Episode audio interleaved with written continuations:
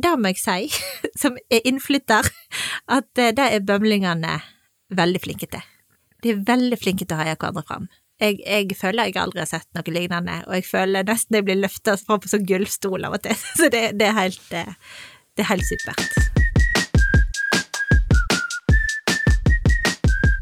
Da lytter du til Sunnhordlandpodden, en podkast der du får møte spennende personer med en eller annen tilknytning til regionen Sunnhordland. Sunnhordlandpodden vi har som mål å framsnakke regionen vår, og vi tror da at alle har behov for litt heiarop, og derfor har vi lyst til å være med og heie fram de som brenner for noe her i Sunnhordland. I dag er podkasten sponsa av Marinaden, din leverandør av genialt god mat på Bømlo. Sjekk ut nettsida marinaden.no for meny og bestilling, og slå gjerne følge med Marinaden på Facebook og Instagram for å få med dere hva de baler med. Her er dagens episode.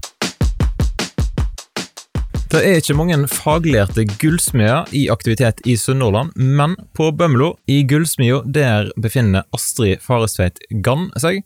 Og Gullsmia feirer i disse dager femårsjubileum, og derfor passer det veldig bra å invitere deg, Astrid, med inn i Sunnhordlandpodden. Velkommen. Tusen takk, det er kjekt å være her. Så bra. Du feirer altså femårsjubileum. Hva føler du nå? Nei, jeg skjønner ikke hvor tida har blitt av. Det har vært fem kjekke og travle år, men aller mest kjekt, det må jeg si. Det har vært spennende. Det skal jo komme mer tilbake igjen og bli veldig godt kjent med hva gullsmia er for noe, men hvis du skal si noe om hva er det som gir deg glede på jobb? Det er de som jeg jobber med, det er det jeg gjør, og det er alle de kjekke kundene. Det høres veldig bra ut. Mm. Nå har jo jeg gjort litt sånn undersøkelser og spurt litt folk eh, som jeg kjenner på Facebook, som, som kjenner deg, eh, om å få litt sånn her bakgrunnsinformasjon og litt sånn fun facts. Nå klarte ikke jeg å grave opp liksom de mest eh, sjokkerende eh, da. Men det som gikk igjen, det som var litt artig, var at eh, et adjektiv som ble brukt om deg, av alle som jeg spurte, da var at du er veldig sprudlende. Kjenner du deg igjen i det? Ja. Eh, det er jo det at det bobler veldig mye inni meg veldig ofte, og det kommer vel ut. så, så vi ligger jo Gullsmyr ligger vegg i vegg med Prinsess, og der inne hører de ofte høy latter innifra oss.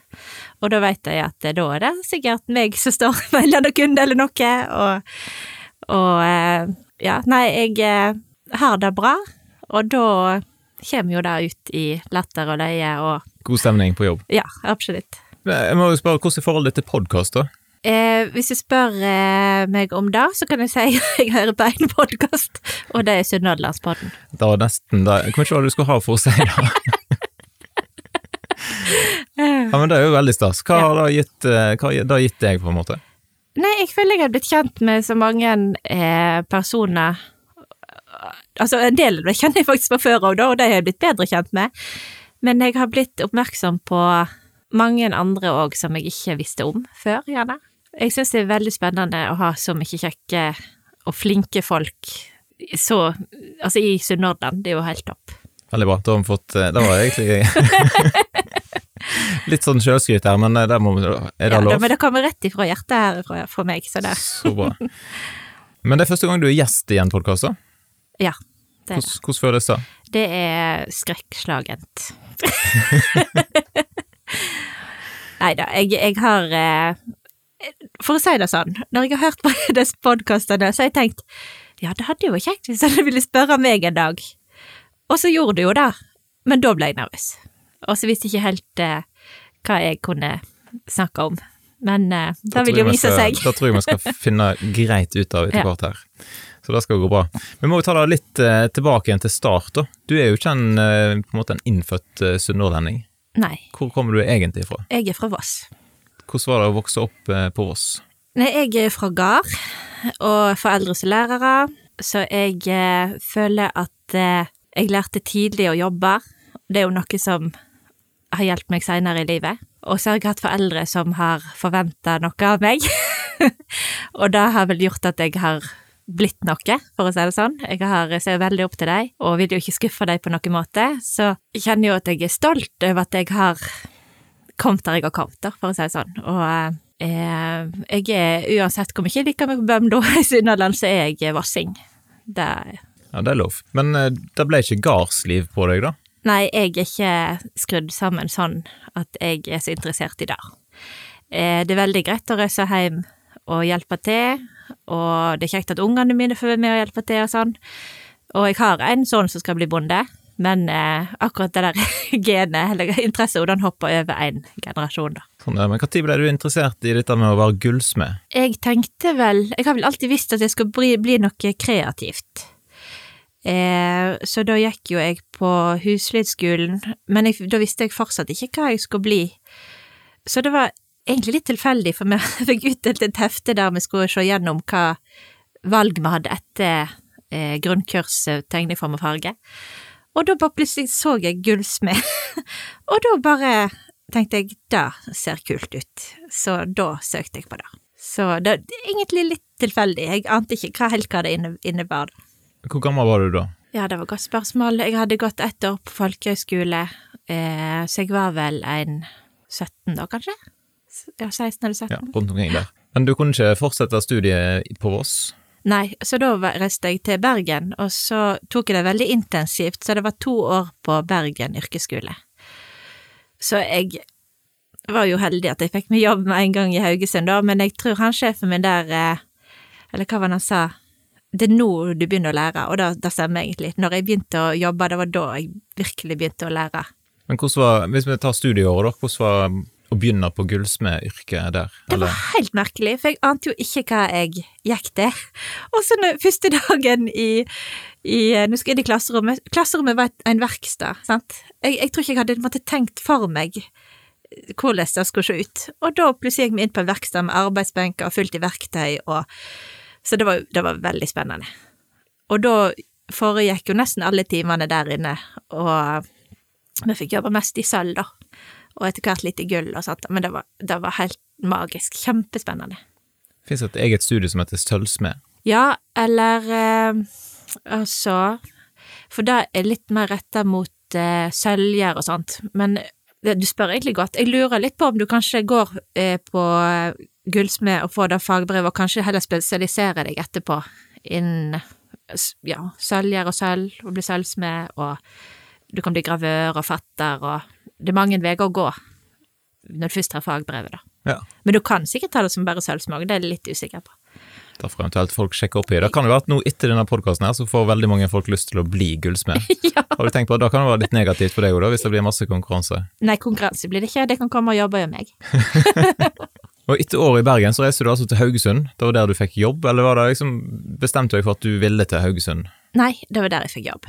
Så jeg kunne reist eh, hvor som helst, tror jeg. For da var jeg veldig klar til å begynne å jobbe. Ja. Så det var helt tilfeldig at det var Haugesund. Men hvor eh, fikk du jobb? Da jobbet jeg for en som heter Gjert Karlsen på no, en plass som heter GK Design i Haraldsgata. Så der eh, var jeg vel i ett eller to år, tror jeg.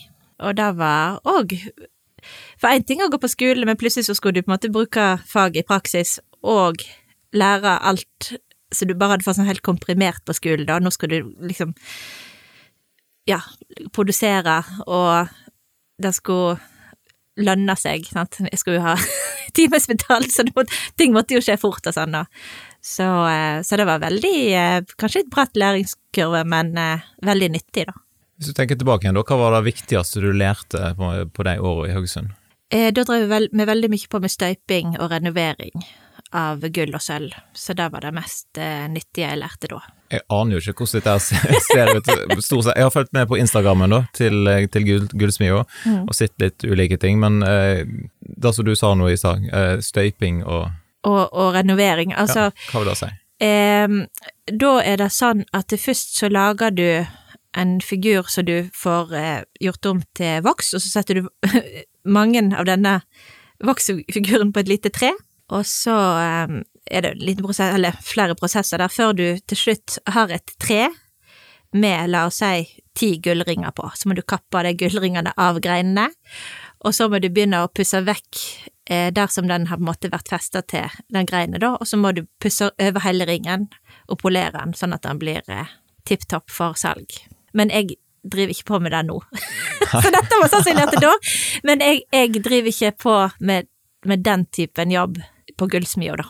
Vi er mer på én og én ting. Altså, dette var mer, mer som storproduksjon, men vi lager vel mest sånne unike ting. Vi har laga til Master Amfi, da har vi støpt opp støype og laga noe som heter Sidjo-piler og sånn, men da støyper vi faktisk én og én. Og det, det, er på en annen måte vi, vi gjør akkurat det, da. Vi skal komme inn tilbake igjen til mer litt sånn her tekniske gullsmeting etter hvert her, da, sånn sett. Men eh, mens du var der i Haugesund, da, så eh, Du skrev til meg at du hadde lyst til å redde verden. Hvordan eh, så det ut? Ja, det var etter jeg hadde vært Da hadde jeg vært i Haugesund en stund. Eh, eh, da var jeg jo forholdsvis ung, kan vi si, og singel, og eh, da jeg var gullsmed i Haugesund, da jobbet jeg òg i utebransjen, så når jeg ikke var på jobb på dagen, så jobba jeg gjerne på jobb på kvelden, også på nettene. Og jeg er litt sånn arbeidsnarkoman, så jeg jobbet hele tida. Og så var det en sommer. da eh, skulle vi på besøk til en venninne av meg som jobbet for fredskorpset i Zambia. Og da skjønte jeg at verden var jo større enn Haugesund. Det var det, var det første. og så eh, fikk jeg en sånn veldig trang til å kanskje hjelpe andre og ja, redde verden så da jeg kom hjem etter en måned i Zambia, da når vi var hos henne, så fikk vi se, møte spedalske, vi fikk være på besøk i fengselet. Møtte jo veldig mange fattige, og ble egentlig litt inspirert over hvor snille de var med oss. Eh, for de hadde egentlig ingenting, men alle ville jo tilby oss en kopp kaffe, eller de, de ville sikkert bare gi oss De hadde sikkert gitt oss den maten de hadde, bare for å være snille. Og da tenkte jeg at vi i Norge er jo litt sånn kjipe. Vi er rike og tenker mest på oss sjøl. Så da skulle jeg gjøre noe med det. Så jeg skulle ut og være kjekk og grei og hjelpe andre, og søkte litt rundt i sånne veldedige organisasjoner. Men fant vel fort ut at de trengte ikke en gullsmed. så det var litt nedtur, da. Så hadde jeg vært kanskje lærer eller, eller eh, lege eller ja, sykepleier noe, da kunne jeg kanskje i hvert fall redda verden, men, eh, eller prøvd. Men jeg hadde litt Jeg stilte litt dårlig som gullsmed. Men jeg fant jo ut at jeg kunne jo ikke bare jobbe, jobbe, jobbe både dag og natt. Jeg måtte jo ut og se verden. Så da ble plan B at jeg flytta til ei venninne av meg som bodde på Guadeloupe i Karibien. Veldig glad for at du sa det navnet, så slapp jeg. ja. Men i Karibien, ja, det høres jo greit ut. Ja, for da, i hvert fall, jeg fant uansett ut at kunne ikke redde verden, så kunne jeg få se verden. Så da tenkte jeg at eh, hvorfor ikke begynne i Karibien. Hvordan var året der?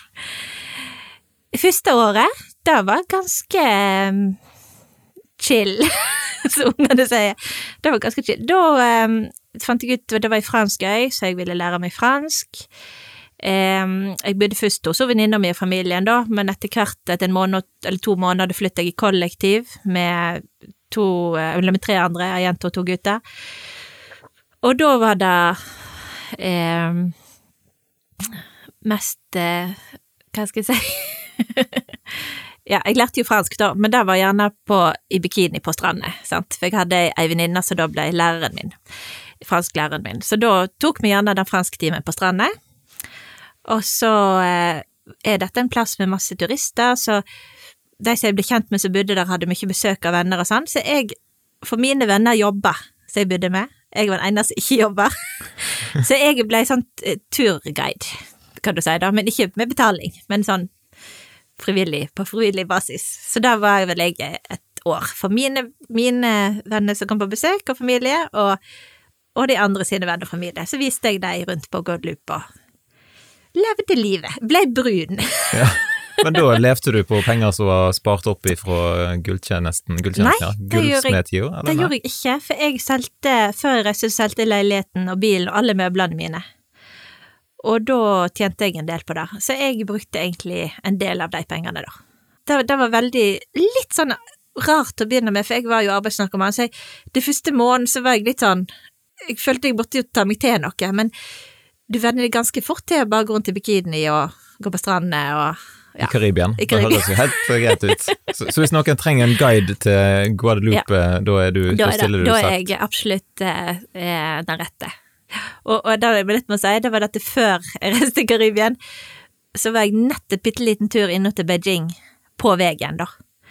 Eh, så det at jeg hadde Og da hadde jeg akkurat òg vært i Nordkapp faktisk først, så da jeg kom til Karibia, så var jeg Det tok en stund før jeg landa, og så måtte jeg se, for jeg var ei uke i Beijing, og da bare se tilbake hvor hadde jeg vært, da. det var mye som skjedde på en gang. Men etter et år i bikini, på en måte, hva fant Nei, du på da? Nei, du blir jo litt lei. Det er jo Ferie er kjekt bare så lenge som I et et år. år. eh, men jeg var ikke helt klar på å gi, å gi slipp på den Jeg likte meg jo veldig godt på Goldloop, da. Og så tenkte jeg kan vi gullsmed på Godloop, men da hadde jeg kanskje tjent 60 kroner timen, og da hadde ikke jeg hatt råd til å reise hjem, for, for det er klart at eh, jeg hadde jo penger, men det varte jo ikke for evig alltid, sant. Så da hadde jeg en kamerat, eh, bestekameraten min faktisk, som sa at eh, hvis du begynner å seile i Nordsjøen, da kan du bo i Karibien, og så kan du jobbe i Norge, og så har du fri annenhver måned. Så da begynte jeg, tok jeg sånn offshorekurs, og så begynte jeg å seile som forpleiningsassistent på båt. Og da var jeg i Norge og jobba, og så reiste jeg hjem igjen da til Karibien, jeg hadde fri. Men de trenger ikke gullsmed på plattformen? Nei, jeg var på båt da, men jeg trengte ikke gullsmed. jeg tror de fleste ble litt overraska når jeg sa hva jeg egentlig var, når jeg for der og vaska gulv og sånt. Så Ja, du trivdes med det? det var kjempekjekt, og det klarte, jeg klarte jo å skvise inn i litt sånn gullsmedarbeid. Jeg tok meg gjerne en tur innom Haugesund og jobbet litt på vei fram og tilbake, så jeg holdt jo der ved like, og jeg likte å ha fri annenhver måned. Og så likte jeg at det var bra betalt, og vi seilte nå litt rundt, og vi fikk jo sett litt forskjellige byer og plattformer, og så jeg eh, angrer absolutt ikke på det, det var spennende tid. Og en eller annen gang her så traff du òg en mann. Ja. En karibisk pirat, eh, skrev du til meg en gang du var litt eh, småtrøtt, kanskje? Ja, ja. ja, det skjedde jo egentlig ganske fort når jeg hadde flytta til Gårdlyp, og det var jo ikke planen i det hele tatt. For jeg skulle jo ikke eh, Jeg skulle bare ikke ha noen mann, tenkte jeg med det første. Jeg skulle bare ha leve livet litt. Men jeg møtte han ganske fort, da. Så han eh, eh, Vi bodde jo i lag med han når jeg pendla, og så klarte jeg jo til slutt å lure han til Norge, da. Han var ikke så gira på det. For han var litt redd for isbjørner og sånn. Sånn rent klimamessig, så Alle i Karibien tror at i Norge der er det isbjørner i gatene, og det trodde han òg. Men, men eh, så sier jeg at eh, men vi kan bo på Tittelsnes, for der er ikke mora mi fra, da, så der eh, har jeg familie, og der er det nesten aldri snø. Det er kanskje et par dager i Det ligger et par dager, så forsvinner det igjen, og så Ja, det hørtes nå greit ut. Og så flytta vi der, og så var det to vintre der det lå tre eller fire måneder med snø. Begge vintrene, og han følte seg grundig lurt. men han liker snø, men han ble litt lei av å måke. Det kan jeg forstå. Jeg må faktisk bare skyte inn at eh, nå eh, jeg skal til Tittersnes eh, i helga oh, yeah. og lage podkast ifra heimevernsøving, så framover Å. veka så kommer det litt sånn her heimevern spesial eh, Sunnhordland-pod, Det er jo spennende. så det blir stas. Yeah. Det er min siste heimevernsøving, faktisk, så da skal jeg få lov til å bruke mikrofon istedenfor våpen. Tøft. Så det er stas. Så da kan dere som lytter til podden akkurat nå, bare glede dere til å bli kjent med Heimevernet. Det blir spennende. Ah, ja. Sånn sett. Men eh, ok, så dere flytta til Tittelsnes. Du klarte å lure han med deg til Norge. Ja. Og så ble det dere gifta dere òg? Ja da, og så fikk vi barn. Og eh, så fikk vi tre stykken ganske kjapt, faktisk. Så da, det var jo eh, Ja, det er kanskje ikke planlagt at det skal gå så fort, men, men eh, vi er veldig fornøyde nå. Veldig kjekt. Vi har tre flotte gutter som er ganske tette i alder, da, så det ble ja, tre unger på tre år, omtrent sånn. Det er grådig effektivt. Ja, ganske. Jeg følte vel jeg var gravid i strekk. Og en eller annen gang her så fikk du ideen om å starte opp for deg sjøl. Ja, da hadde jeg jo jobba Jeg måtte jeg, Altså, jeg slutta på båt, eh, for jeg skjønte å ha tre unger og jobbe på båt, det var ikke så veldig lurt. For da hadde jeg vært mye vekke. Eh, så da begynte jeg å jobbe litt igjen i Haugesund. Eh, for der hadde jeg da begynt å jobbe hos en som heter Gunnar Karlsen. Det er der jeg jobbet aller lengst, da, på Smykkespesialisten. Og så eh, Da hadde jeg jo jobba i mange år. Så jeg kjente jo at jeg begynte å få skikkelig god erfaring, og, og var trygg for meg sjøl, hva jeg kunne. Så var det ei venninne av mor mi på Voss som heter Kari. Hun er smykkekunstner. Hun eh, hadde pensjonert seg og hadde et fullt verksted, og lurte jo på om jeg kanskje ville kjøpe det.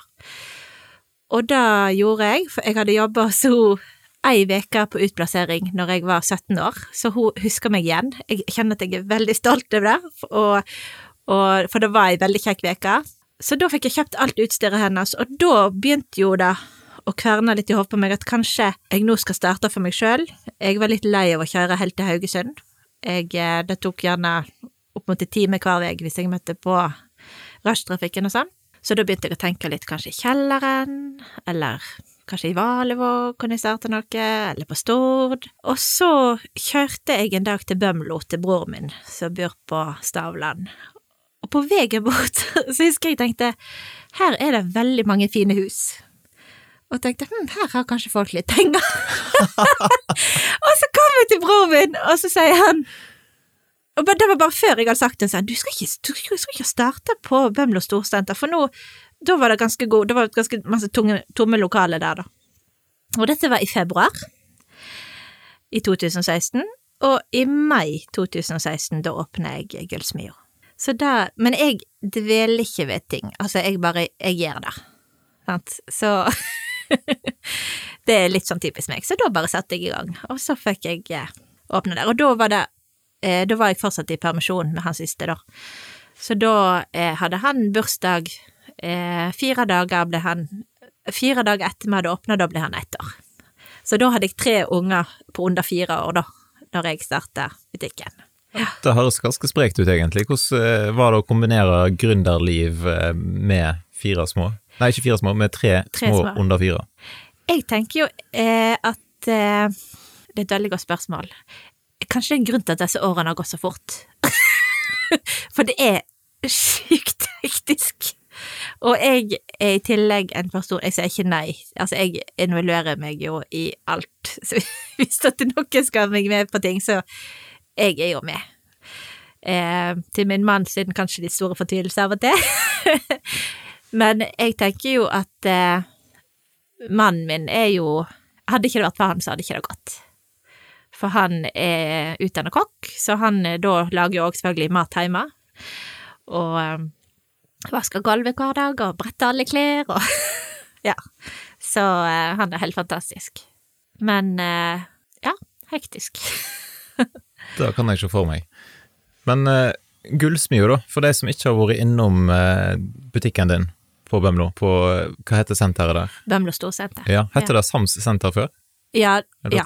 Gamle Samsen kaller vi det for. Det, sånn ok, Uansett, det som ikke har vært innom der, da, hvis du skal forklare eller beskrive butikken, hvordan, eh, hva vil du si kjennetegner gullsmia? Eh, det som er kjekt med oss, det er at vi er ikke en kjedebutikk, så jeg kan ta inn de varene jeg vil. Eh, så dette har jo vært en litt sånn eh, utf ting å utforske fra dag én. Hva er det folk på Bømlo har lyst på? Eh, men da kan jo jeg kjapt, hvis det er noen som spør etter et merke, så kan jeg ta det inn, eller jeg kan gjøre avtale med leverandører, og så, så når du kommer inn til oss, så får du alt det vanlige som de fleste gullsmeder har, men du får òg en del ekstra ting. Laga gjerne av eh, lokale, eller ikke lokale, men eh, norske gullsmeder, da, eller eh, ting man lager sjøl, og det du ser når du ikke inn der, du ser òg rett inn i verkstedet, og der sitter vi og jobber. Og det òg er litt spesielt, for der får du heller ikke hvor som helst, så du kan på en måte nesten se at det, det du har levert inn til reparasjon, blir reparert. Så vi har en del sånne små unger som står med nesen og kikker ved kanten og syns det er veldig spennende når vi holder på med blåselampe og ja, for det er jo litt uh, stilige ting dere holder på med. Ja. Fra dag én så har jo mitt mål vært at jeg skal ha For vi har mange måneder, men at en av månedene skal være fullt med mine ting. Men problem, eller det er ikke problem heller, men når jeg lager noe, så, så er det så kjekt, for det blir solgt med en gang. og så har vi så utrolig mange spesialoppdrag inne, eh, som aldri kommer i butikken, for det går rett til kunde. Så jeg eh, får på en måte ikke produsert opp og laga så masse ting som jeg vil, men dette er jo noe som Det skal jo bli. det skal jo bli mer. Men, men eh, vi får likevel være kreative hver dag, og Men det er bare kanskje ikke Ja, det er ikke sånn som Jeg får jo gjerne få lagt ut på Facebook, så folk får sette der, da, men det kommer ikke til butikken, kan du si. Men, eh, men det er jo bra. Vi har masse arbeid. Men det er da sånn at folk kan se ting som du har lagt ut på Instagram, og si 'oi, den var kjempestilig som du hadde Ja. lagt der'. Ja. Jeg har lyst på noe som ligner. ligger men- Og jeg er veldig nøye med at da skal ikke lage en helt lik, for jeg vil at bli den som du skal få, skal bli unik for deg, kan du si. Men jeg kan se hva stil du har, da, og så hva du liker, sant. Ja, for jeg så og, eh, På Instagrammen så så jeg at redesign er jo på en måte noe som dere har gjort en del av. Ja, Alt ifra kakespade som har blitt til armbånd og Ja. Eh, det er bare fantasien som setter grenser. Så eh, vi lager gafler og skeier og kakespader og ja, alt gaffel, ja, alt som vi kan lage om, det lager vi om. Og, og da lærer vi òg andre, vi har jo sånn kurskveld og sånt, og da kan de få lov til å lære å, jobbe med gammelt bestikk og lage smykker og sånn. ja, Kurskvelder, da må du fortelle litt mer om. Hvordan det fungerer det? Ja, dette er noe av det lureste vi har funnet på, for det er veldig, veldig kjekt.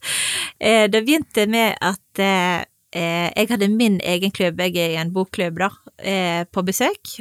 Eh, jeg inviterte dem til Gullsmia, og så skulle de få lov til å lage seg noe, jeg tror det var et smykke vi skulle lage, da. Og jeg tror, vi lo jo, det var jo så artig, for det, det er jo veldig ute av komfortsonen for noen, de har aldri jobba med metall før, kanskje. Eh, noen hadde en klar idé med en gang hva det skulle bli, og noen strevde veldig, sant. Men til slutt så ble det jo Alle lagd noe fint. Og da tenkte jeg kanskje hvis jeg for eksempel samarbeider med Marinaden, de lager maten, eh, og vi da lager ting med klubber, eller det kan være en arbeidsplass som har lyst til å, å, å komme der, så eh, at vi kunne tilby det, da. Og da tok det jo litt tid, på en måte, før det tok av. Men jeg fikk lov til å ta bilde av de som var inne, du husker til å begynne med å legge ut på, på Facebook og Instagram og sånn. Og det som har skjedd nå de siste, iallfall de siste to årene, det er at vi er fullbooka et halvt år fram i tid, men at jeg for min egen del kun, eller for vår del, kun tar én kveld i uka, for det, ellers så blir det jo, jo veldig mange kvelder, sant. Så vi har én kveld i uka som vi stiller til disposisjon, og da får vi inn ja, en venninnegjeng, eller eh, en klubb, eller det var òg noen, eh, en familie som var inne en dag, sant. Hvordan har det gått nå i koronatida med liksom eh, avstand og sprit og ikke hva alt? Eh, vi har kuttet ut eh, Når det har vært på det verste, da, da har vi bare da har vi avlyst, eller bare forskyvd det. Eh, men når det har vært lov, vi følger jo hele tiden med på hvor mange kan du samle og sånn, da har vi eh, større avstand. Eh, vi er jo veldig nøye med spriting, vi bruker munnbind. Eh, og det som er artig nå, det er at eh, når vi nå får til å gjennomføre disse kveldene, så er det jo kjekkere enn noen gang. For folk er jo så sugne på en måte for å være i lag, sant. Ja. Og så, så sånn stemning som vi har nå på disse kveldene, det har vært kjekt før, men nå er det bare sånn nå er det bare kjempekjekt. Og så når det kommer inn, da har vi dekt på langbord med fine servietter og flott tallerken fra marinaden. Hun serverer alt til oss på fat. Og vi har brus, vi har kaffe og sjokolade, og Så nå føler vi at den kvelden i uka når vi har klubb, da har vi fest. Rett og slett. Men da er det sånn folk kommer og har med seg da en kakespade, liksom, som de vil eh, gjøre om til noe, eller hvordan funker det i praksis? Nei, det avtaler vi på forhånd. Eh, Noen eh, vil ha med seg gammelt bestikk, men andre de får nytt selv for å lage en ting, men vi har alltid en tema for kvelden, så temaet er kanskje ring, eller så er det smykke, eller så er det ørepynt, men at alle jobber innenfor samme tema, eller skal lage den samme tingen, men de må designe det sjøl. Ja, og det er veldig skøy, for da blir de helt skrekkslagne når de får beskjed om at, de at det er de, de sjøl som må sette seg ned og tegne designet. Men vi hjelper dem jo liksom over den bøygen, da, og så får de noe ned på arket, og så når vi begynner å jobbe med, med sølvet, da, da, da, da er det akkurat som det blir helt sånn magisk, for da skjønner de at det kan faktisk, med, med litt hjelp, jobbe i sølv, og så blir det jo Jeg vet ikke om du har sett noen av bildene og det har vi lagt ut, men det blir veldig fine ting. Og det er sånn at meg og, og han andre heter Tibor, vi blir faktisk inspirert over hva de lager, og da de lager, blir vi inspirert, så vi får ideer, sant. Så jeg føler jo dette er bare vinn-vinn. Jeg er en veldig lite kreativ type, sånn Men jeg får jo nesten litt lyst til å prøve, kjenner jeg. Ja, Men uh, det, det anbefaler jeg. Vi har hatt noen venninner. Det litt- ja, for det er mest Ja. Det er mest damer. Og det er veldig kjekt med menn. Det er veldig artig, for de vet ofte bedre enn meg, sant. De har, de har ofte veldig god peiling, tror de. Så det blir veldig artig. det blir litt gode diskusjoner om hvordan liksom, du skal, skal, løse forskjellige problemstillinger med smykker og sånt. Da. Men, eh, men vi liker å ha innemenn, for da får vi litt å bryne oss på. oi, oi. Men da høres det ut som eh, folk må rett og slett bare booke seg inn eh, om et halvt år, da? Ja, nå, nå, er det nesten fullt til jul, faktisk. Det er såpass. Ja, ja. Så, så, det er bare til å hive seg rundt, så vi har vel begynt å få litt bestillinger til 2022 allerede, da. Du nevnte jo Marinaden, at dere samarbeider med deg, da. Mm. Eh, er det andre aktører på Bømlo eller rundt i Sunnhordland som dere samarbeider med? Ja, jeg, det er jo spesielt Master Amfi. Vi har laga to smykker for deg og med deg, kan jeg si, for at det er eh, en hel prosess, for, for, dette skal jo passe inn i, i deres eh, konsept, i Kaupangen deres, de har jo en egen sånn butikk der, så det kan jo ikke være noe Det kan jo ikke være for nymoten, samtidig så må det være Vi må tenke både litt nytt og gammelt måte, i det vi lager, da. Eh, så eh, veldig mange spennende møter og, og og når vi kanskje har funnet på det, så bare hva skal det hete, sånn, skal det rette navnet, og eh, Men eh, nå eh, veit jeg at det kommer nok masse mer spennende fra oss og med deg, kan du si, når de nå skal gjerne åpne igjen. Eh, nå har jo de pustet opp der på Master Amfi, så da tenker jeg da, da skal vi fortsette med nye prosjekt. og men samtidig dra med oss de smykkene vi har laga, at det gjerne blir flere kolleksjoner, da. Ja, for det var spesielt en sånn pilspiss eh, som jeg så. Ja, det var den siste, det var Sidjo-pila. Eh, den er Oppe på eh, Sidjo så er det et sånt eh, stein eh, Hva det heter Sånn riolittstein, og det er de lager pilspiss av. Så vi har på en måte tatt kopi av, eh, av disse eh, pilspissene da, og laga smykke. Men det er hun Janne Robbers der òg har vært involvert i dag. Så da er vi på en måte gjerne Av og til er vi flere som setter, setter oss ned i lag og, og, er kreative, da. Men det ble en kjempesuksess. Det lagde vi til før jul, og der eh, får det vel rundt en 40 sånne piler til jul, sånne smykker, og da ble det nummerert. Ja, tøft. Så nå må vi lage opp flere av dem, tenker jeg. Og så tidligere da har vi lagd noe som heter Ferda-smykke.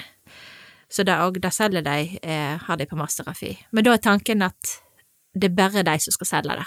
Vi kan reklamere det for det hos oss, men det er, du må på Masterafi for å kjøpe det. Jeg vet at eh, du brenner for et levende lokalt næringsliv, eh, men hva er det som skal til for at eh, vi skal klare å ha det her lokalt? Eh, vi må heie hverandre fram, tenker jeg. Vi, vi må fortelle andre om hverandre. Eh, jeg er leder i Bømlakortet. Det er et eh, kort som i teorien vi skal få brukt på hele Bømlo, og da òg tenker jeg da kan vi da, da, Det blir en naturlig måte å heie hverandre fram på, når vi har noe felles. Eh. Bømlakortet, er snakk om et busskort et, nei, eller det, det er et gavekort. Eller? Gavekort. gavekort. Ja. For før hadde de forskjellige sentrene og forskjellige butikkene, alle hadde forskjellige gavekort, og det har jo sikkert mange fortsatt sitt eget kort, men, men vi har nå et kort som heter Bømlakortet, som skal måtte samle alle butikkene på Bømlo, alle som har lyst til å være med på det. Og da tenker jeg det, det er litt kjekt på en plass eh, som, som eh, er forholdsvis liten, da, å ha noe litt så samlende, kan du si. Eh, men jeg tenker det, det, aller viktigste er å gjøre hverandre oppmerksom, altså fortelle positive ting om hverandre, da, kanskje, og, og eh, ja, heie hverandre fram. Men det det må jeg si, som er innflytter, at eh, det er bømlingene veldig flinke til. De er veldig flinke til å heie hverandre fram. Jeg, jeg, føler jeg aldri har sett noe lignende, og jeg føler nesten jeg blir løfta fram på sånn gullstol av og til, så det, det, er helt, eh, det er helt supert. Har du, har du lagd mange gullstoler, forresten, som gullsmed? Nei. det er ingen gullstoler. sånn er det. Hva må til? Du må ha et par gullbarer da, hvis du skal lage en gullstol, kanskje? Det kan bli litt kostbart. Ja. Jeg tror da måtte vi heller bare belagt den med gull. det høres lurt ut. Men da, da lurte jeg litt på om jeg skulle spørre om hvordan er det med å investere i gull? Er det liksom lurt? Det er jo litt annerledes. Altså, eh, hvis du reiser til Asia og sikkert Afrika og andre land, så bruker de jo gull som en valuta. Sant? Men, men det er jo litt annerledes eh, her hos oss, da, for, for her koster måte, arbeidskraft å lage smykker sånt, det koster mer. Eh, men samtidig så nå, nå er gullet eh, har vært, vært ganske mye verdt til å stege mye verdi, så, så det er jo mange som kommer til meg med gammelt gull, og så får de lagt om til noe nytt. Så, og da har jo ikke de tapt måte, verdien av gullet. Eh, men akkurat sånn investere i gull, jeg vet ikke om det er noe Jeg er liksom, jeg Ikke driver sikkert med. det er så relevant. Men uh, har, kjøper du inn liksom gullbarer? nei, Du gjør ikke det? ikke Hva gull. koster en gullbar? Ja, nei, da tror ikke det var løselig. Jeg, jeg eh, kjøper inn plater, plate, og så eh, kjøper jeg inn eh, eh, bolter og tråd.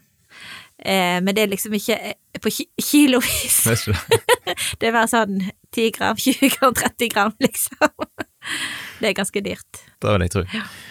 Utenom gullsmia så er du jo engasjert for mange ting. Du har jo nevnt et par av de allerede, og sånn, men hva andre ting er det du brenner for? Um, ja, veldig godt spørsmål. Hva er det jeg brenner for? Jeg brenner for at alle eh, Og dette er jo kanskje òg fordi at jeg, jeg er gift med en mann som ikke er norsk, men jeg, jeg brenner for at alle skal bli inkludert, og at eh, vi ikke skal se annerledes på folk sjøl med en annen hudfarge. Eh, og at vi skal Alle skal bli hørt, da. Det er jeg veldig opptatt av. Eh, og egentlig så tror jeg at Det har jeg alltid vært. For, for jeg, dette har jeg tenkt litt på eh, før jeg kom her, da. Eh, for jeg husker da vi gikk på barneskolen. Da eh, kom det flere elever i klassen fra Vietnam, Iran og eh, Thailand og forskjellige land. Eh, og det har jo jeg på en måte møtt opp igjen når jeg har gått på skole. Men jeg har alltid vært så interessert i hva det er de har som ikke Altså, hva kan vi lære for dem, og Så jeg tror jeg, jeg alltid har brent for det, liksom, at eh, vi må være litt interessert i, i, hverandre, og vi må eh, være litt åpne for nye kulturer, da. Og da merker jeg, det, dette har jeg bare måttet dratt, dratt med meg hele tida, så, så nå har jeg jo hatt mange inne hos meg på Gullsmia fra forskjellige land som har kommet, de har fått eh, vært på utplassering for å lære norsk og Men det er det så, det er så spennende, liksom. Og jeg bare skulle ønske at flere folk skjønte hvor heldige vi er på en måte som har anledning til å møte folk fra andre kulturer. Så, så det, det er noe som jeg eh, brenner for, at vi inkluderer og på en måte kanskje utforsker litt og ja. Du, du kan møte så mange fine folk, kan du si, på, på veien, hvis at du ja, er litt åpen, da, og, og nordmenn har mye Altså, vi har mye å lære. Har litt å gå på det. jeg vant til å gå på det. Og da kan jeg bare si, etter at jeg hadde bodd på eh, Guadalupe noen år, for der sier alle hei til alle. Og det er om du går inn i bank, eller om du- går inn i posten, eller på gata, eller Og så kom jeg hjem etter å ha vært der i, i Sund i noen år, og så skulle jeg gå på Dette var på Voss, vi gikk langs eh, Vangsvatnet der i på en sti, og så går jo jeg og sier hei til alle, sant. For da, sånn har jo jeg gjort det i noen år. Og da husker jeg søsteren min sier at du, det, vi gjør jo egentlig sånn her. Men jeg tenker, vi har jo ikke vondt av det. Kan ikke vi si hei da og smile og Men det er nede av og til da, når du går tur på fjellet, Ja. da er det lov. Ja. Men ikke på bussen. Nei, ikke på bussen. Nei. Så jeg, jeg er litt for dette der at vi skal være litt mer eh, Se folk. Jeg, det gjør jo mye med meg hvis noen sier hei til meg, og så bare Åh, det er jo kjempekoselig. Så hvis, det, hvis jeg møter noen som sier hei, så er det kanskje meg. Nå har dere altså eh, feiret fem år. Mm. Dere hadde kake og greier, så jeg på Instagram. Hva skjer de neste fem åra? Eh, de neste fem årene så må vi fokusere litt mer på produksjon, eh, for vi har eh, veldig masse arbeid inne til enhver tid, eh, så vi må måtte ja, få en bedre rutine på, eller hva skal jeg si, det er dette her med å Kanskje, kanskje jeg må ha flere folk inne på verkstedet, rett og slett. Men akkurat jeg føler meg litt underbemanna i den delen av butikken, da. Og så er det det at jeg får jo springe mye ut og ekspedere kunder òg. Så eh, legg en liten strategi på hvordan skal vi få liksom bedre flyt på eh, verkstedarbeidet og produksjon. Og så skal det komme mer i design fra meg, som er på en måte laga på Gullsmia på Bømlo, for da, da tror jeg da, da liker folk, at det er lokalt. Så da planen for neste året, og så er planen at jeg skal gå, gå hjem til middag. for det har jeg lovt mannen min. Men nå har vi flytta til Bømlo, det vet ikke jeg om jeg har sagt til deg, så nå har vi flytta til Bømlo, så vi eh, er jo kommet nærmere jobben, da. Ja. Og, og mannen min òg jobber på Bømlo. Så det at, eh, Når flytta dere? Nei, nå, nå er det to, to år siden. Ja, litt over to år siden vi flytta. Og da gjorde jo ting litt enklere. For jeg bodde på Tittelsnes, og så kunne jeg være på jobb kanskje to ganger til dagen, og da var det litt mye kjøring, sant. Så nå kan jeg faktisk hjem etter middag, og jeg legger ungene, eller gjør lekser, legger ungene, og går tilbake på jobb, da. Eh, for det er jo om å gjøre at det skal ikke gå utover deg at vi har det travelt på jobb. Vi må prøve å være litt eh, hjemme òg. Høres lurt ut. Men du har altså klart å engasjere deg i ganske mange ting. Du nevnte Bømla-kortet, og eh, du er òg nestleder i Bremnes sokneråd, Ja. og ikke minst eh, leder for 17. mai-komiteen Ja. på Sortland skole. Ja. Hvordan blir 17. mai-feiringen der i år? Det blir veldig kjekt. Eh, vi har gjort eh, noe helt spesielt i år, så jeg kjenner at jeg er litt så stolt av. For da at når vi begynte å ha møte for noen måneder siden, så skjønte vi at å planlegge for 17. mai på skolen på 17. mai, det var ganske unødvendig. For eh, sånn som tida er nå, så vil jo ikke vi samle for mange folk. Eh, så da har vi planlagt, og dette skal bli gjennomført, at det 12. mai, da skal, skal Sortland skole ha 17. mai på skolen hele dagen. Og jeg tror, jeg har hørt rykte om at til og med noen kommer til å møte opp i bunad av, av eh, lærerne. Vi i 17. mai-komiteen og med noen foreldre, vi kommer og deler ut pølse, is, is og godteri.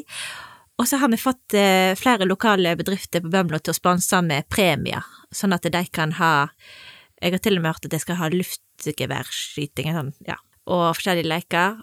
Så jeg tror Og de skal gå i tog, og de skal ha korps. Så jeg, jeg tror det blir en helt fantastisk dag. Så 12. mai, rett og slett. 12. mai. Men så har jeg òg klart å eh, engasjere meg i selve 17. mai, da. I lag med Ingebjørg Vestre så skal vi lage en 17. mai-kortesje på eh, 17. mai.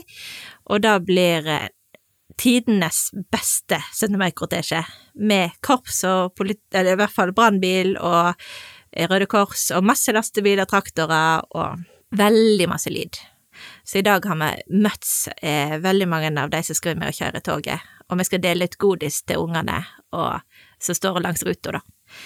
Eh, så kanskje når mai er over, så skal jeg ha meg en bitte liten Ikke ferie, det er ikke til, men det er kanskje en lang helg. men det er jo så kjekt, og så er jo jeg innflytter, så nå blir jo jeg kjent med folk. Og eh, ja, folk er bare positive, og eh, Nei, jeg må si jeg eh, syns Bømlo er en bra plass. Da syns jeg var en fin måte å avslutte på. Vi sier tusen takk for at eh, du kom og var med her. jo, det, var, det var, gikk jo bra. Ja, sant? Og så ønsker vi lykke til med de neste fem åra. Så eh, om ikke før, så må vi iallfall ha en sånn tiårsjubileumsepisode, da. Ja, det, det var kjekt. Takk for at du lytter til denne episoden av Sunnhordlandpodden. I dag er podkasten sponsa av Marinaden, din leverandør av genialt god mat på Bømlo. Sjekk ut nettsida marinaden.no for meny og bestilling, og slå gjerne følge med Marinaden på Facebook og Instagram for å få med dere hva de baler med. Har du tips til hvem som bør være med i podkasten framover? Ja, da er det verdt å ta kontakt. Du finner Sunnhordlandpodden både på Facebook og på Instagram. Ja, eller du kan til og med sende en e-post til kjetil.lekenelett.nett. For denne podkasten den er nemlig produsert av Kjetil Fyllingen. Og husk da, det er topp med tilbakemelding på episoden. Spesielt syns jeg som var med og ble intervjua at det er kjekt å få en tilbakemelding, så send de gjerne en melding med noen oppmuntrende ord. Da ønsker jeg deg en fin dag, og så poddes vi jo plutselig igjen neste torsdag.